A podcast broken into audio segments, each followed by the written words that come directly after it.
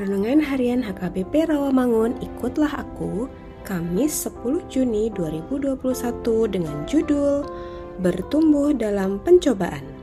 Bacaan kita pagi ini tertulis dalam Kejadian 3 ayat 14 sampai 24 dan bacaan kita malam ini tertulis dalam Ibrani 2 ayat 5 sampai 9. Dan kebenaran firman yang menjadi ayat renungan kita hari ini ialah Yakobus 1 ayat 2 sampai 3 yang berbunyi, Saudara-saudaraku, anggaplah sebagai suatu kebahagiaan apabila kamu jatuh ke dalam berbagai-bagai pencobaan, sebab kamu tahu bahwa ujian terhadap imanmu itu menghasilkan ketekunan.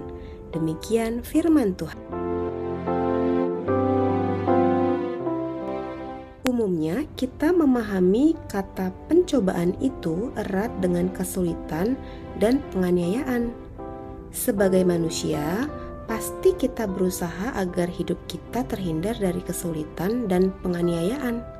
Tetapi di sini Yakobus menyarankan kita, orang Kristen, untuk berbahagia jika kita mendapat pencobaan. Dan pencobaan itu bukan hanya sekali, namun berbagai pencobaan. Bila kita memandang dari kedagingan kita, maka pencobaan itu dapat memunculkan watak yang buruk dan rasa keegoisan yang kuat.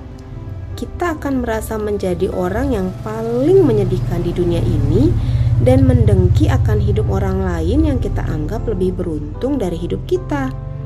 Namun, bukan sikap itu yang diinginkan oleh Yakobus, tetapi Melalui berbagai pencobaan, kita bisa bertekun dan menjadi berpikir lebih kreatif.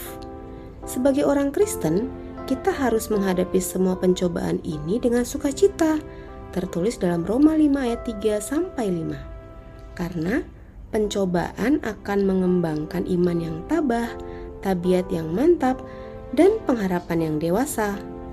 Iman kita hanya dapat tumbuh menjadi dewasa penuh apabila diperhadapkan dengan kesulitan dan tantangan.